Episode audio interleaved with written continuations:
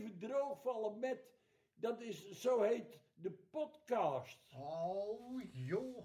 Is er een podcast? Ja, ja. Hé, hé, Kees, onder welke steen heb jij gelegen?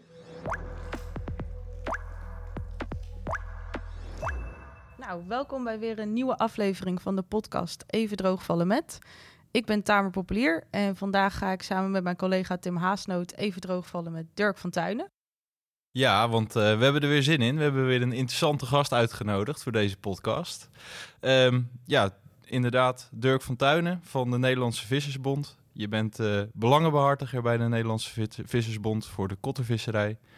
En um, ja, binnen jouw functie zijn er natuurlijk op dit moment meerdere dossiers waar je aan werkt. En ja, we willen het eigenlijk ook eens gaan hebben over die rol van een belangenbehartiger. Want hoe behartig je nou de belangen van een sector? En hoe ga je om met belangen die af en toe wel eens botsen? Nou, dit en meer uh, zal in deze podcast uh, te sprake komen. Ja, welkom uh, Dirk. En om dan maar met de deur in huis te vallen.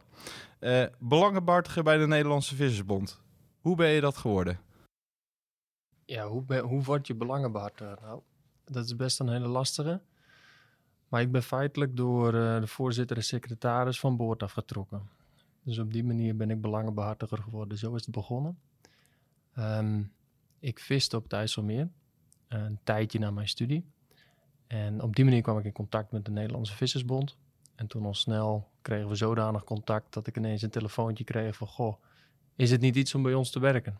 Dus zo uh, ontstond dat eigenlijk. Dus ik ben ja, eigenlijk letterlijk van de kot afgetrokken. Oké, dus je hebt ook echt zelf uh, gevist voordat je inderdaad in deze functie uh, gerold bent? Ik heb gevist. Ehm, nou is dat wel een korte tijd geweest. ik ben van jongs af aan betrokken geweest bij een IJsselmeervisbedrijf. vist op paling en snoekbaars vanuit Hinderlopen.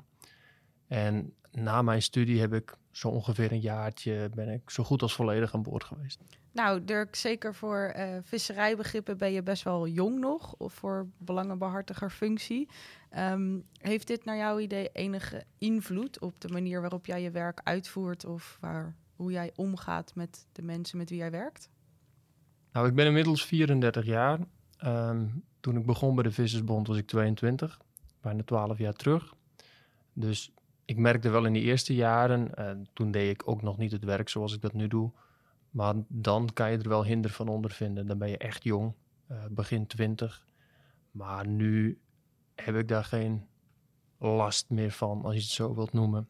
Uh, ik bedoel, ik loop lang genoeg mee nu in de sector. voor mijn gevoel, de mensen kennen me.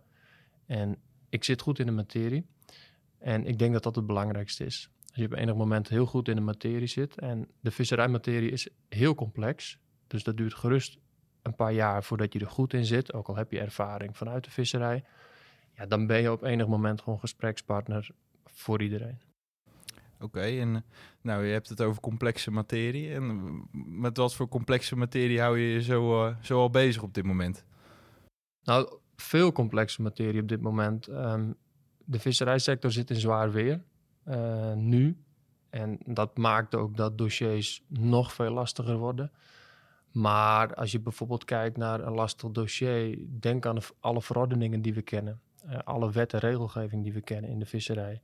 Dat is heel veel, zowel vanuit Nederland als ook vanuit het Brusselse. Dus van ook, ook vanuit de EU heb je te maken met regelgeving. Ja, dat moet je toch allemaal wel kennen. En dan bedoel ik niet dat ik het uit mijn hoofd moet weten, maar je moet wel alles weten te vinden. En wanneer er een probleem is op zee, uh, moet je snel weten te reageren. En dat is zeker complexe materie. Um, maar dat is nog wel redelijk tastbaar, die problematiek. Uh, het wordt minder tastbaar als je het hebt over de brandstofprijscrisis op dit moment. Hoge brandstofprijzen, uh, visserij kan niet meer uitvaren, althans een deel van de visserij. Ja, dat is natuurlijk een gigantisch probleem, maar het is niet tastbaar. Ik bedoel, het probleem kunnen we niet 1, 2, 3 oplossen. En ja, dat is weer een ander, een ander, ander voorbeeld van complexe materie. Ja, dus eigenlijk sta je daar een beetje langs de zijlijn, want aan die brandstofprijzen kunnen jullie zelf ook niet zoveel doen. Aan de brandstofprijs kun je uh, niets doen vanuit hier. Um, maar je kunt natuurlijk er wel voor zorgen dat de visserij zo lang mogelijk naar zee kan gaan. Uh, en dan moet je denken aan bijvoorbeeld compensatieregelingen, uh, lobbywerk, uh, ten eerste in Brussel om te kijken dat men vanuit Europees perspectief een kader wil eh, scheppen om die visserijsectoren in Europa eh, ja, te compenseren. Dat is gelukt. Eh, er is dan een compensatieregeling vanuit Europa en dan is het aan de lidstaat, de lidstaat Nederland, om daar invulling aan te geven. Dus ja, feitelijk eerst het werk in Brussel en dan daarna nog het lobbywerk in Nederland. Dus op die manier kun je wel voor iets tastbaars zorgen.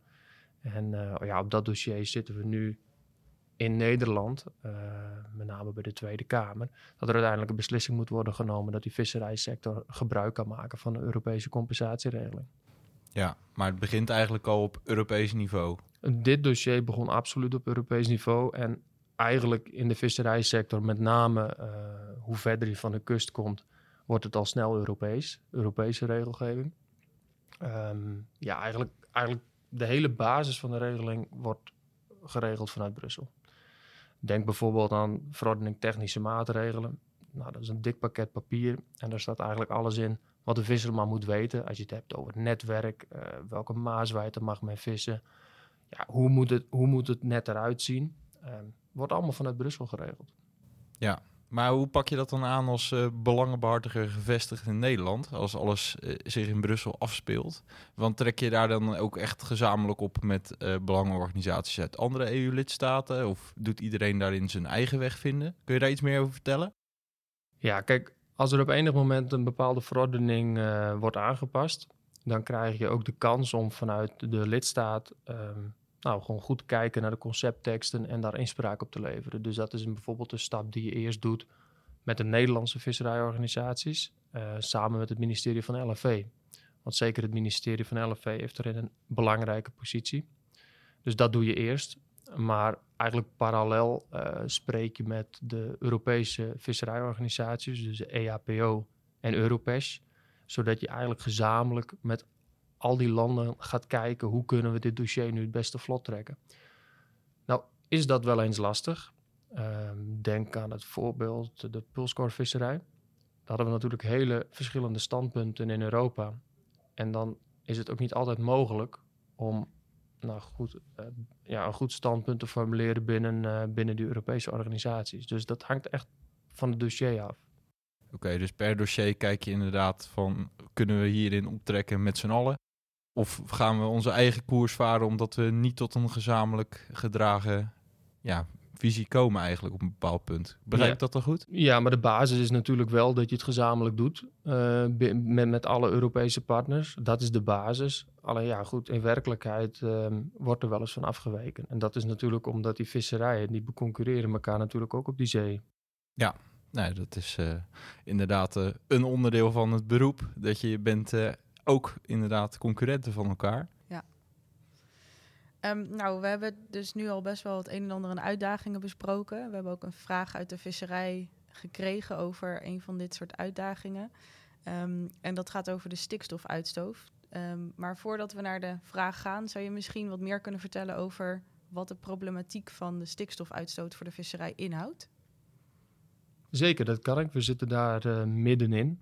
Ehm, ja, er zijn ehm, rechterlijke uitspraken geweest dat we in Nederland het nodige moeten doen aan de reductie van de stikstofuitstoot. En ook de visserij heeft ermee te maken. En dan is het met name de visserij die uitstoot in de kustzone. Want die uitstoot kan uiteindelijk in Natura 2000 gebieden komen die aan de kust liggen. Het is dus niet zo dat de visserij een probleem heeft met stikstof als het, ehm, als het in zee komt, maar meer als het in de kustgebieden komt. Nou ja, waar heb je daarmee te maken? In dit geval het grootste probleem qua vloot is de garnalenvisserij. Wij hadden een bestaande zogenaamde natuurbeschermingswetvergunning. En die hadden we voor zes jaar. En die loopt 31 december dit jaar, dus 2022 loopt die af. En dan moet je een nieuwe vergunning aanvragen. Die bestaande vergunning, mm, daar hadden wij geen stikstofparagraaf in. Dus we konden eigenlijk gewoon doen wat we altijd al deden. Alleen nu, voor die nieuwe vergunning, hebben we dus een vergunningaanvraag nodig, zoals we die altijd doen. Plus het invullen van de stikstofopgave.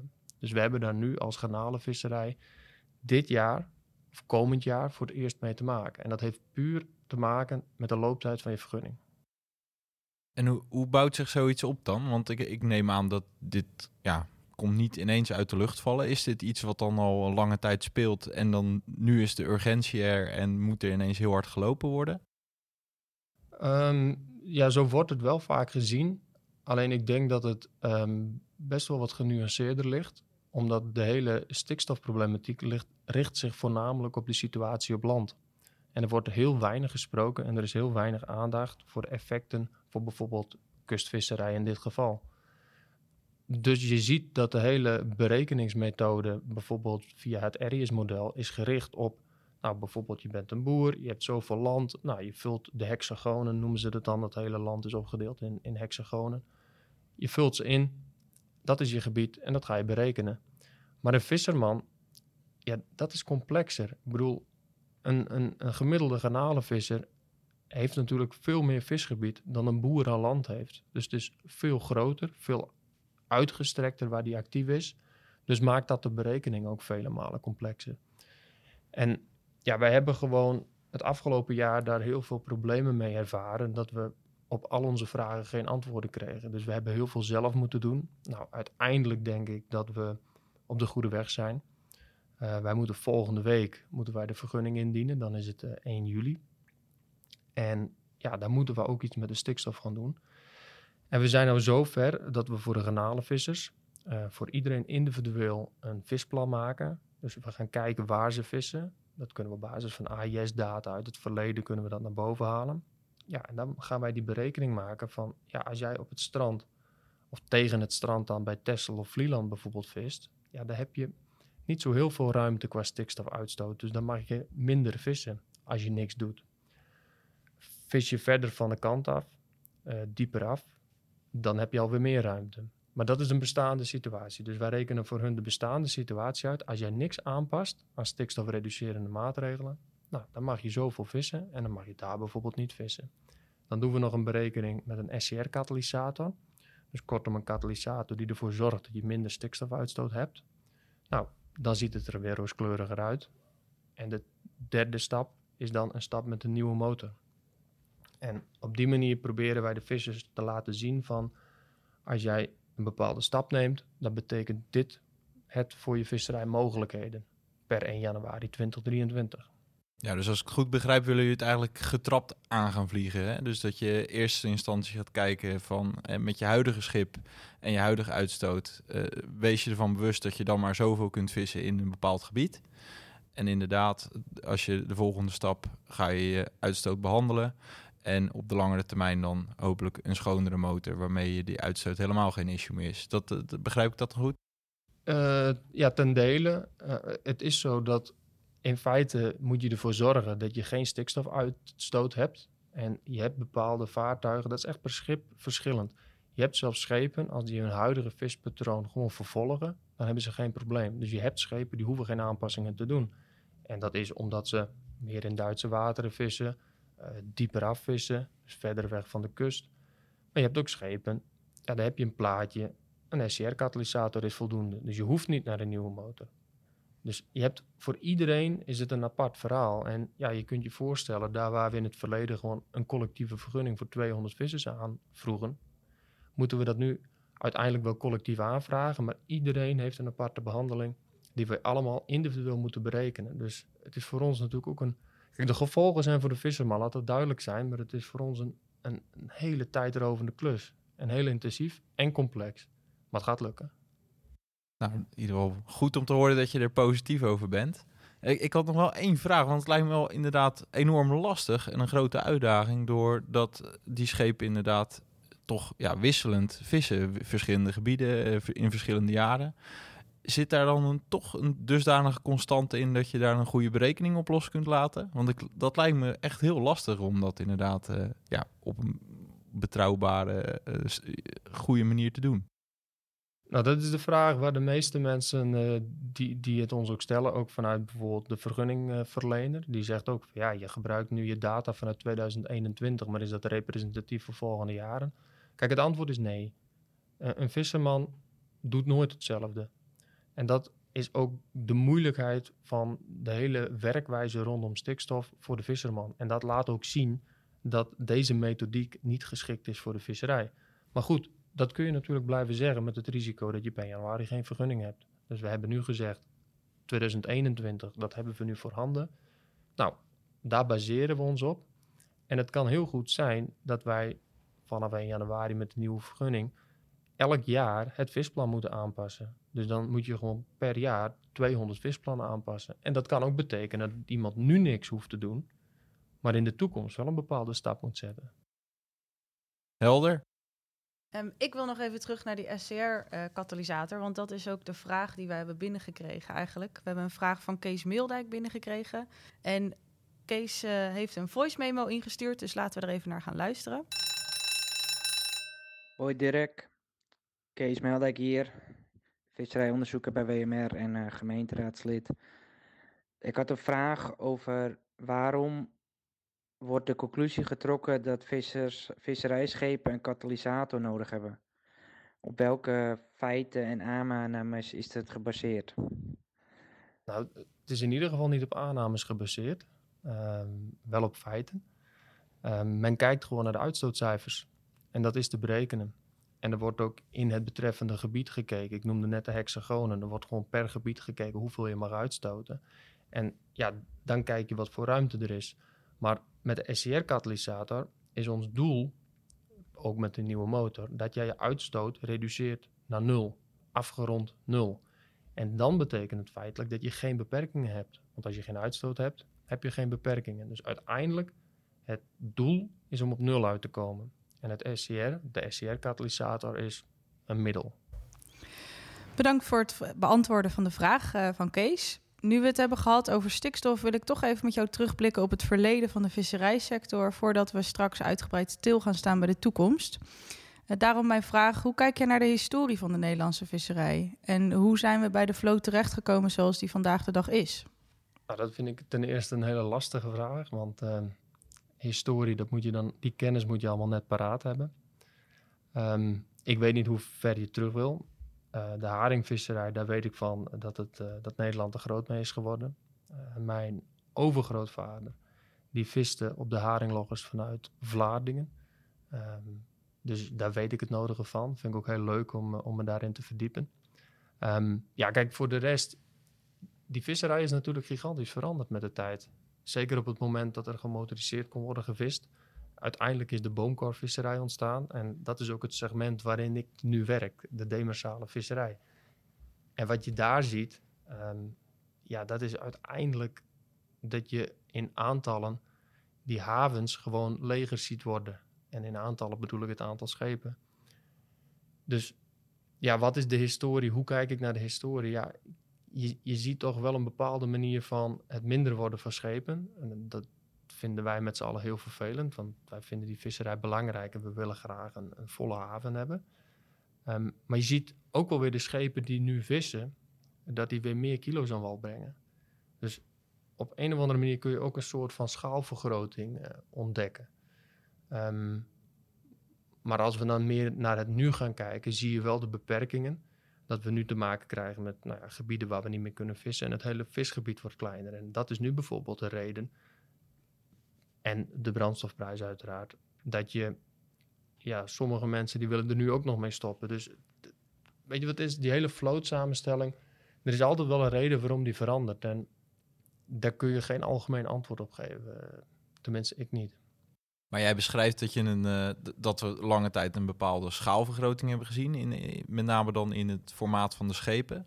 Ehm, toch zie je dat een aantal ondernemers de laatste tijd ook kiest om juist weer terug te gaan naar kleinere schepen. Is dat een eh, trend die mogelijk nu wordt ingezet, denk jij? Of is dat slechts voor enkele ondernemers het geval? Ik denk dat dat een trend is. Ehm, zeker als we kijken naar de brandstofprijzen. Ik bedoel, het is heel lastig om met de huidige boomkoolvloot een rendabele besomming te maken. En als je tussen de 20.000 en 30.000 liter gasolie gebruikt in een week, in een visweek, heb ik het over 4,5 wetmaal. Ja, kipprijzen van 1,20 euro op dit moment is dat onrendabel. Dus dan is het feitelijk gewoon een noodzaak om minder gasolie te gebruiken. En ja, hoe doe je dat? Dat kan met een alternatieve voortstuwing. Maar dat kan ook met kleinere schepen die minder gebruiken. Die alternatieve voortstuwing, helemaal energie-neutraal bijvoorbeeld, op dit moment kan dat nog niet. Dus dan denk ik wel dat je gaat naar ja, een, ander type schip wat minder gasolie gebruikt. En ja, je, je kent de huidige boomkorkotters. ehm, ja, ook met de puls zaten we nog op 15.000 liter eh, gasolie. En dan kun je nog wel rendabel vissen. Maar dan nog steeds is natuurlijk de brandstofprijs en de brandstofkosten eh, wel een hele hap uit je wekelijkse besomming. Ja, dus die brandstofprijs, dat zie jij toch wel echt als de, grootste reden voor een hoop bedrijven om toch te gaan kiezen op energiebesparing, eh, waarschijnlijk kleiner, efficiënter vissen. In ieder geval qua voortsturing van het schip. Ja, zeker. Eh, het is wel heel zuur nu, natuurlijk in deze tijd dat je ehm, voor de tongvisserij de pulskor kwijt bent door het pulsverbod vanuit eh, de EU. Kijk, als je dat nu nog had, had je ondanks ehm, de brandstofprijzen, dan ik zal niet zeggen dat, dat er veel overblijft, maar je had nog niet met verlies hoeven te draaien. Ehm, en dat is nu wel het geval. Dus je mist nu een alternatief vistechniek. Maar voor de toekomst ga je ook naar andere type schepen. En ik ben ervan overtuigd, als we dat pulsverbod niet hadden gehad, had je die, dat andere type boomkorschip, dat had je nu al in de vaart gehad. Er waren voldoende ondernemers die op dat moment al de tekeningen en, en nou ja, in principe de offerte klaar hadden liggen voor nieuwe kotter. Maar dat is allemaal niet doorgegaan. Dus dat, dat heeft wel een hele grote invloed gehad. Ja, dus eigenlijk door die puls is er weer een beetje vet op de botten opgebouwd. Waarmee je inderdaad weer die verdere investering had kunnen doen om weer een slag te maken, ook inderdaad in, eh, in je schip. En die is eigenlijk als sneeuw voor de zon verdwenen met het eh, pulsverbod. Begrijp ik het dan goed? Ja, ik, ik, ik, ik ben echt heel benieuwd hoe de wereld er nu had uitgezien en hoe de vloot er nu had uitgezien ehm, na 2019 het pulsverbod. We, zijn nu twee, drie jaar verder. Ja, ik denk dat er schepen in de haven hadden gelegen waarvan je zei, oké, is dat het nieuwe type boomkorschip? Dat viste dan wel te verstaan met de puls, maar nou ja, ik denk dat je een flinke verandering had gezien. Toch verstrekkende gevolgen eh, als je zo naar kijkt, eh Tamer. Dat, eh, ja, gaat Zeker. verder dan alleen maar een vistechniek, blijkbaar. Absoluut. Het is toch een hele ge- gemeenschap die geraakt wordt door, eh, door regels die worden ingesteld in Brussel. Dan eh, gaan wij naar eh, ons nieuwe segment, bakboord of stuurboord. Ehm, wij hebben namelijk, net als aan boord, moet er duidelijk gecommuniceerd worden. Dus of je het bakboord uitgaat of stuurboord uitgaat. En in ons segment bakboord of stuurboord vragen je dan ook om een keuze te maken. Ehm, we gaan een stelling zo meteen voorlezen en jij mag alleen met eens of oneens antwoorden. En dan daarna krijg je wat ruimte om te nuanceren en kunnen we eventueel nog dat discussiëren over het onderwerp. Ben je daar klaar voor, voor de eerste stelling? Ja hoor. Alright.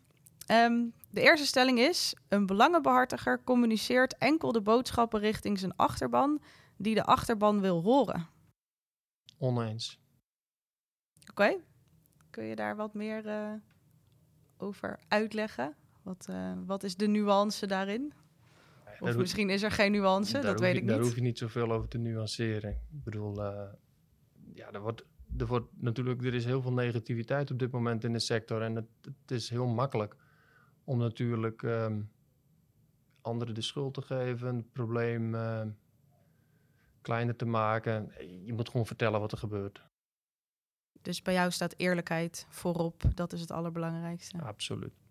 Maar er zit ook ergens een balans in, lijkt me. Want eh, als je als belangbehartiger misschien te ambitieus bent of de lat te hoog eh, legt naar de buitenwereld toe, ja, dan kan dat natuurlijk wel ten koste gaan voor je eigen draagvlak. Of, of zie ik dat verkeerd?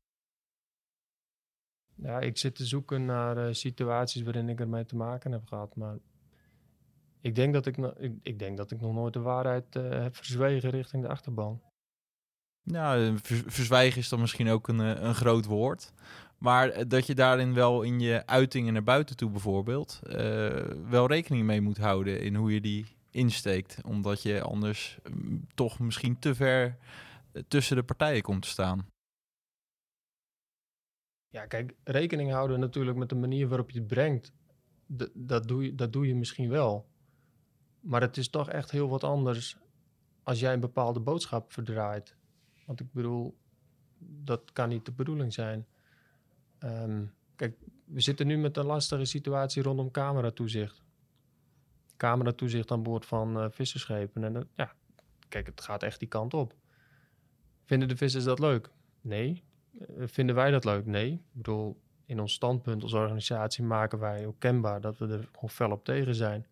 Maar dat wil niet zeggen dat ik dan ook tegen die visserman zeg, "Oh, wij zijn erop tegen, dus eh, gaat niet gebeuren. In datzelfde gesprek zeg ik wel van ja, met alle respect, wij zijn er tegen en we zullen er alles aan doen om het zo draaglijk mogelijk voor de visserij te krijgen. En het liefst helemaal niet.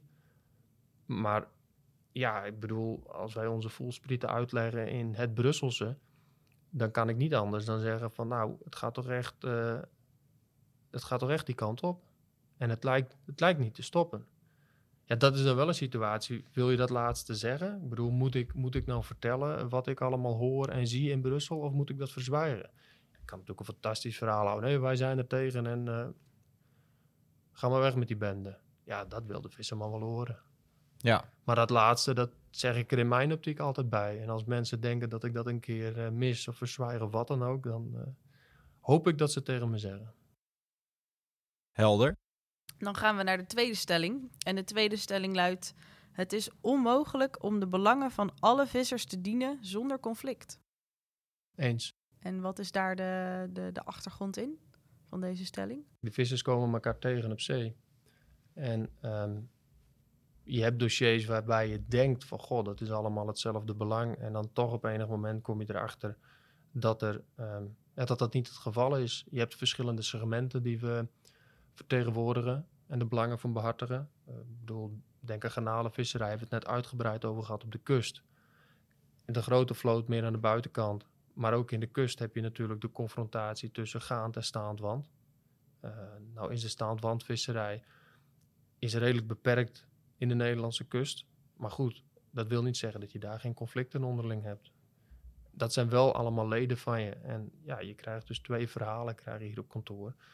Van de ene die zegt van ja, ik heb last van, eh, van de andere en die boemt maar weg. En die andere, ja, dat, dat maak je mee. Dus in de visserij is dat onmogelijk. Dus in zekere zin zijn jullie ook een soort eh, bemiddelingspartij eh, eigenlijk. Nou, dat komt voor. Ik bedoel, ook internationaal gezien krijgen wij berichten van collega-PO's uit het buitenland. Van, nou, moet je goed luisteren, er is op zee wat voorgevallen. En het kan zo zijn. Ik bedoel, dan, het is niet anders, maar hoe lossen we dat op? En eh, dat, dat kan middels een goed gesprek, maar dat is soms ook gewoon door, eh, door te compenseren. Als er schade gemaakt wordt en het is aantoonbaar eh, te wijten aan, aan iemand. En kun je daar een concreet, want je noemde net inderdaad al bijvoorbeeld de visserij in de kustzone tussen Staandwand en ik denk met name dan de garnalenvloot. Zijn er nog meer voorbeelden waarbij je inderdaad zag dat er ja, toch wel een, een conflict in belangen begon te ontstaan tussen verschillende segmenten die jullie dienen? En nationaal of ook internationaal met andere visserijen? Ik zou zeggen de meest smeugen. Nou, de meest smeuren. Jeetje, heb je even. Ehm, nou, kijk, waar het druk is en waar veel visserij is, daar ontstaan conflicten. Ehm, als veel mensen hetzelfde doen. Ik denk dat het geen geheim is dat ehm, in het kanaal is het redelijk druk. Het wordt altijd gezegd. En dat is niet alleen met visserij, maar ook met scheepvaart. Dus dat zijn veel schepen op een relatief klein, klein stukje water. Het lijkt op de kaart heel groot en als je er bent lijkt het nog groter. Maar als je al die schepen daar plaatst, is het toch relatief klein. Nou, in het kanaal zijn wij actief met de flyshootvisserij. Ehm de Fransen zijn er ook actief met wat kleinere schepen. Ehm, nou ja, dat levert conflicten op. En dat misschien niet het meest smeuige voorbeeld, maar dat zie je nog wel eens terug in het nieuws. Ehm, ja, weet je, anderszins voorbeelden. Ik denk dat dat wel meest, eh, meest tastbaar is. Ja, die eh, visserij in het kanaal, daar eh, botst het. En dan dus ook tussen de vloten van verschillende landen. En daarin moet je dus dan ook gaan afstemmen met inderdaad je Franse collega's die daar de belangen behartigen. Ja, dat gebeurt. Onlangs zijn we nog in Boulogne geweest en hebben we gesprekken daarvan. eh, ja, hoe, hoe kunnen we dat natuurlijk minimaliseren, die problematiek? En zoals gezegd, als er problemen zijn, dan, dan willen we dat graag oplossen. Ehm, ook als er gewoon schade gemaakt is. Ik bedoel, daar kun je voor weglopen, maar dat is op de lange termijn absoluut niet duurzaam. Maar goed, qua voorbeelden, bedoel, kijk ook in ons eigen land. Ehm, vissers zijn concurrenten van elkaar. Ehm, ik heb net verteld, technische maatregelen, netwerken, het is allemaal vrij complex. Vissers moeten zich aan veel regeltjes houden.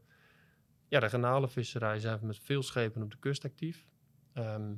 Ja, de ene vangt meer dan de andere en dan wordt er al snel naar de ander gekeken van, nou ja, waarom vangt hij zoveel? Eh, daar viste ik ook. Gebruikt hij wel dezelfde maaswijten? Heeft hij de zeeflapper wel in? Um, zeeft hij wel correct op de afslag? Ook al dat soort vragen krijg je.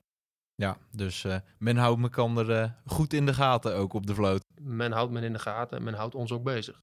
Ja, ook niet onbelangrijk. Zeker niet. Gaan we naar de derde stelling. En de derde stelling is: er is geen gedeelde of breed gedragen koers voor de toekomst van de kottersector. Oneens. Dus jij vindt dat er wel een breed gedragen um, toekomstbeeld is voor de kottersector? Ja, ik denk dat het toekom toekomstbeeld er wel is. Um, en dat weten we met z'n allen ook wel. Je kunt je afvragen, moeten we dat niet ergens op papier zetten, zodat we werkelijk iets hebben uh, wat je ook nou ja, kunt tonen richting diverse partijen, dat dat ook echt je standpunt is.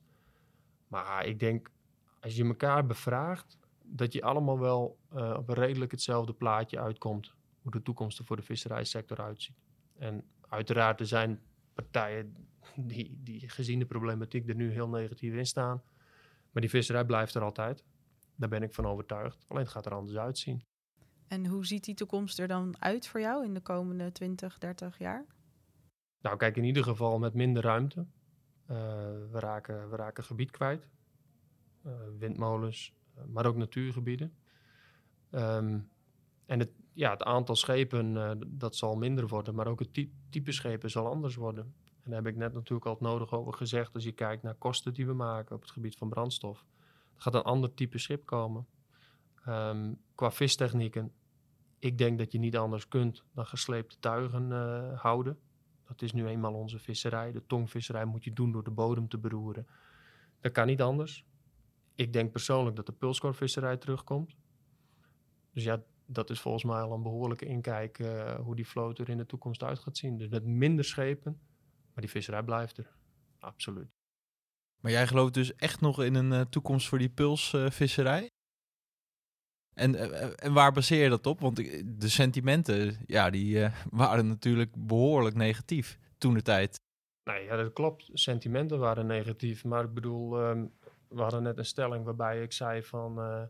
Ja, jeetje, we baseren ons op feiten en niet op aannames. En uiteindelijk gaat dat natuurlijk overwinnen. En dat gaat ook een keer neerdalen in het Brusselse. Dat kan niet anders. Ik bedoel, het zou mij gewoon... Het heeft me al teleurgesteld. En het, het gaat me nog een keer teleurstellen als dat niet zou gebeuren. Ik bedoel, de, de tig onderzoeksrapporten, uh, een eindrapport van Pim Bouten is onlangs gepubliceerd. Ja, alle seinen staan nog steeds op groen. Tel daar bovenop, want ik bedoel, dat is nog dat is wel een beetje erger geworden, die discussie over uitstoot CO2. We moeten met z'n allen minder brandstof, uh, minder fossiele brandstoffen gaan gebruiken. We moeten die bodem minder beroeren. In 2020 ontstond toch echt wel een discussie vanuit NGO's. Einde bodemvisserij al dat soort discussies. Ik bedoel, Puls is echt een antwoord om bepaalde verbeteringen te treffen in de tongvisserij. En waarom wil men dat dan maar niet zien? Nou, dat, dat heeft weer met die senti sentimenten te maken die je net noemt. Ik bedoel, we hebben het meegemaakt, uh, we hebben het meegemaakt in Brussel. Um, daar waar de Fransen met name op de trom sloegen en zeiden van we willen het niet. Ja, laten we eerlijk zijn, uh, wij komen bijna niet in Frans water met de puls. En ik durf wel te zeggen, als het zo moet zijn dat we dat kleine hoekje in de zuidelijke Noordzee, dat we daar een streep doorheen moeten trekken om problemen te voorkomen, ja, dan doen we dat. Ja, dus jij hebt er nog wel de overtuiging dat je die sentimenten vroeg of later weet te keren. Dat je iedereen die daarover een besluit moet nemen, zich aan de materie, de feiten gaat houden. Nee, ik ga geen sentimenten keren, maar we gaan het wel op enig moment voor elkaar krijgen dat er een keuze wordt gemaakt op basis van de feiten. Oké. Hey, we hebben het uh, al een paar keer gehad over het dilemma van de pulsvisserij. En dat die nu niet meer uh, bestaat, omdat het is verboden. Stel dat er uh, in de toekomst een nieuwe vistechniek wordt ontwikkeld.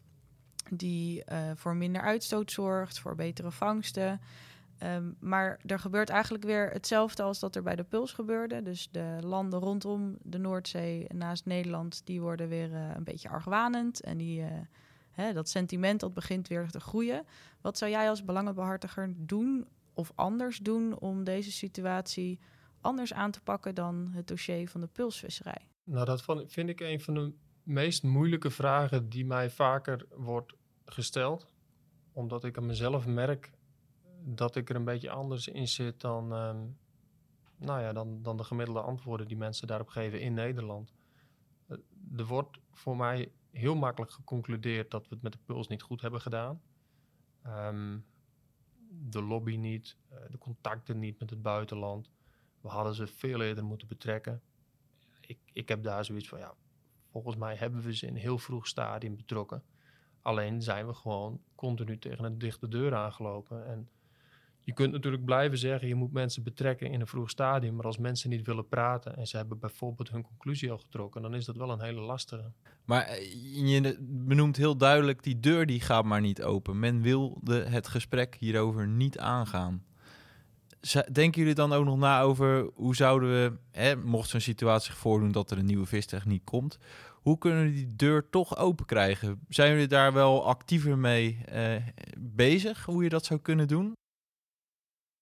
Jawel, eh, we investeren best wel in gewoon contacten in het buitenland. Ehm, maar wij weten natuurlijk met elkaar dat die visserijsector klein is. Eh, het aantal eh, mensen die dat werk kunnen doen, nou, dat zijn er een handvol in Nederland.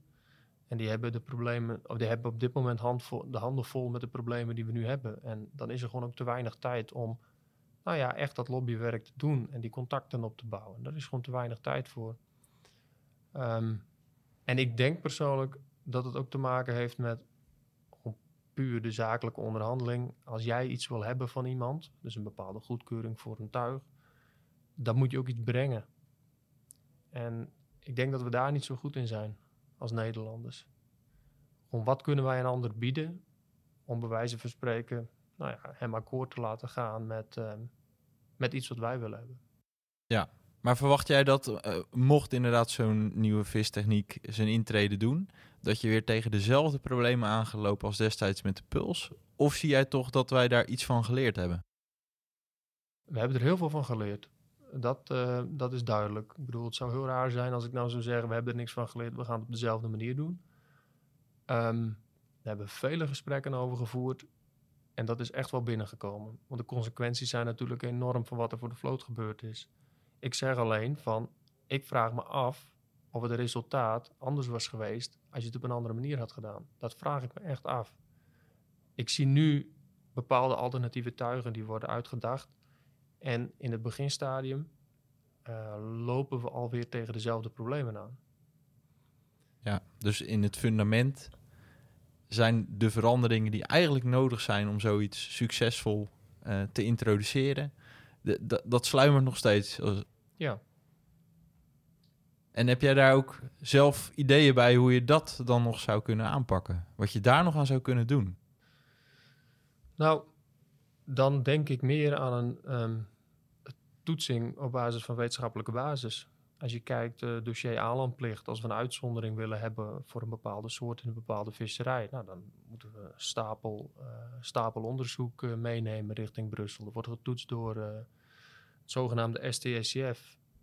En dan komt er een uitspraak. Zo werkt dat. Ehm, dat zou je eigenlijk qua tuigen misschien ook wel moeten hebben. Waarom, moet dat, waarom zou dat via het Europees Parlement moeten? Waar ook de ruimte is om bepaalde sentimenten eh, te laten floreren. Dus jouw voorstel is eigenlijk om een commissie op te stellen, misschien om nieuwe tuigen, nieuwe innovaties te bespreken en de feiten te bekijken en dan op basis daarvan te besluiten wat ermee moet gebeuren. Ja, een meer onafhankelijk orgaan. En het Europees Parlement is natuurlijk een, een gekozen orgaan, daar zal ik niks van zeggen.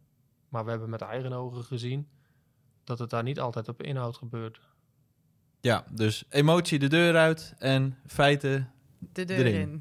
Het zou ons heel erg helpen. Het is een mooie, mooi idee, denk ik. Ehm, nog een eh, laatste vraag, denk ik. ehm, voordat we al richting het einde van deze podcast gaan. We hebben het veel gehad over de uitdagingen eh, en, en de problemen die spelen in de sector. En aan de ene kant heb je een groep mensen in de visserij die door willen gaan met de visserij en door willen gaan met het mooie beroep. Maar aan de andere kant heb je ook een groep die wil stoppen. Hoe ga je als belangenbehartiger om met, dit, met deze tweestrijd? Met dus aan de ene kant een groep mensen die er heel graag door wil... en aan de andere, eh, andere kant een groep mensen die eigenlijk zoiets heeft... het is goed zo. Dat is een hele goede vraag. Ehm, kijk, we, wachten nu op een saneringsregeling voor de vloot. Eh, die komt uit het zogenaamde BAR-fonds, vanuit de Brexit-gelden. En binnen dat fonds is ook een tweedeling gemaakt eh, in een compensatie voor degene die dan stoppen en degene die doorgaan. Maar wat ons betreft ligt daar wel heel erg de nadruk op de mensen die stoppen. Ehm, dat vind ik persoonlijk wel moeilijk. Als je kijkt naar bijvoorbeeld verdeling van geld. Ik bedoel, het overgrote deel eh, van het geld wordt nu beschikbaar gesteld voor de sanering.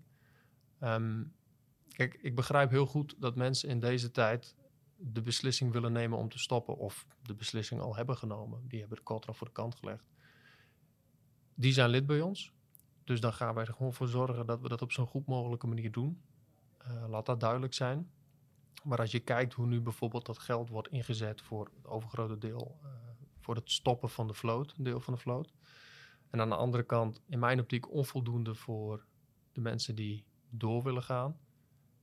Ja, daar maak ik me wel zorgen over. Want ja, ik, ik hoop niet dat ik het goed zie, maar daar, daar ontdek ik ook bijna een soort signaal vanuit de overheid van ja, nee, wij zijn gewoon bezig met het, het, het kleiner maken van de vloot.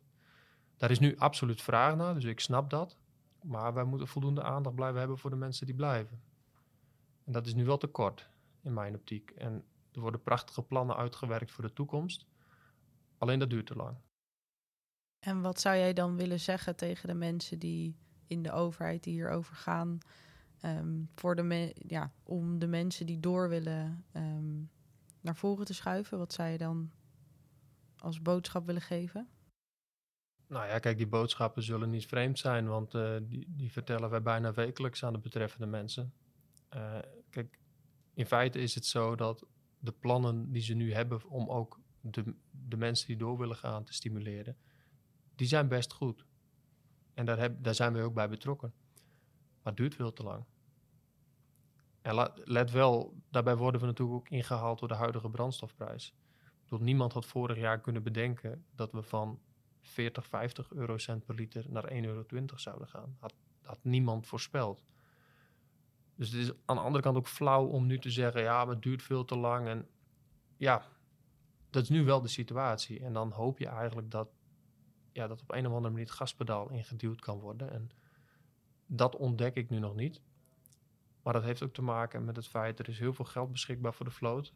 Dat, dat loopt echt in de honderden miljoenen. Alleen, je moet het beschikbaar stellen voor de juiste dingen en snel. En, en ja, daar gaat het op dit moment, denk ik, uh, mis is misschien te zwaar, maar het loopt in ieder geval niet goed. Ja, daar loopt het in ieder geval een beetje op vast nu.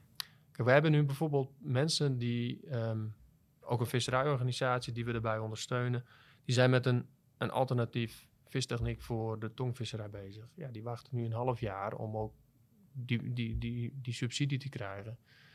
Normaal gesproken duurt het altijd een half jaar, negen maanden. Dus normaal gesproken ben je dat gewend. Maar in deze tijd is de druk zo hoog, dat moet gewoon sneller. We hebben een, een, een bedrijf bij ons lid. En die heeft een fantastisch plan om de voortstuwingslijn zodanig aan te passen dat die van zeg maar 25 ton gasolie per week terug kan naar 10 ton gasolie. Dat is echt een heel innovatief plan. Offertes liggen er, er kan morgen gestart worden. Er zijn honderden miljoenen beschikbaar voor deze plannen. Maar waarom kan er dan niet snel gehandeld worden? Kijk, dat, dat frustreert. En misschien mij nog het minst, maar met name die ondernemer die hoort in het nieuws van, nou ja, oké, er komen saneringsregelingen, mensen die willen stoppen, die kunnen uitgekocht worden. Hartstikke fijn. Maar aan de andere kant, als ik wat wil en ik wil door, dan kost dat zodanig veel tijd dat ik op een gegeven moment wekelijks moet zien dat ik een, een, een min voor het bedrijfsresultaat heb. En dat kan niet lang duren. Dus ik moet nu om überhaupt die toekomst uh, te hebben. Ja, en eh, dan heb je toch wel met name inderdaad het overleven in het nu. Um, ik ben heel benieuwd naar uh, hoe kijk je daar tegenaan op de langere termijn? Het perspectief voor de mensen die blijven. Ja. Bedoel je dan? Nou kijk, er blijft altijd vraag naar, uh, naar ons product. Er blijft altijd vraag naar vis. Dus qua markt denk ik dat het er goed voor ons uitziet. Um, laat ik het eerlijke verhaal vertellen. Als er natuurlijk minder aanvoer komt, omdat er veel schepen gaan saneren, betekent het ook dat degenen die blijven vissen misschien wel een iets hogere prijs gaan krijgen, gemiddeld gezien. Dat er meer ruimte voor hun is, ondanks dat we ook heel veel ruimte kwijtraken aan, aan windmolenparken, et cetera. Dus dat is nog afwachten hoe, hoe dat in de praktijk eruit gaat zien. Maar op die manier denk ik dat dat perspectief er wel blijft. Dat is de situatie op zee, wat ik nu vertel.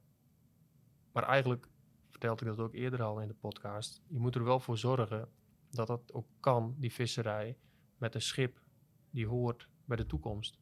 En dat is de stap die we moeten zetten.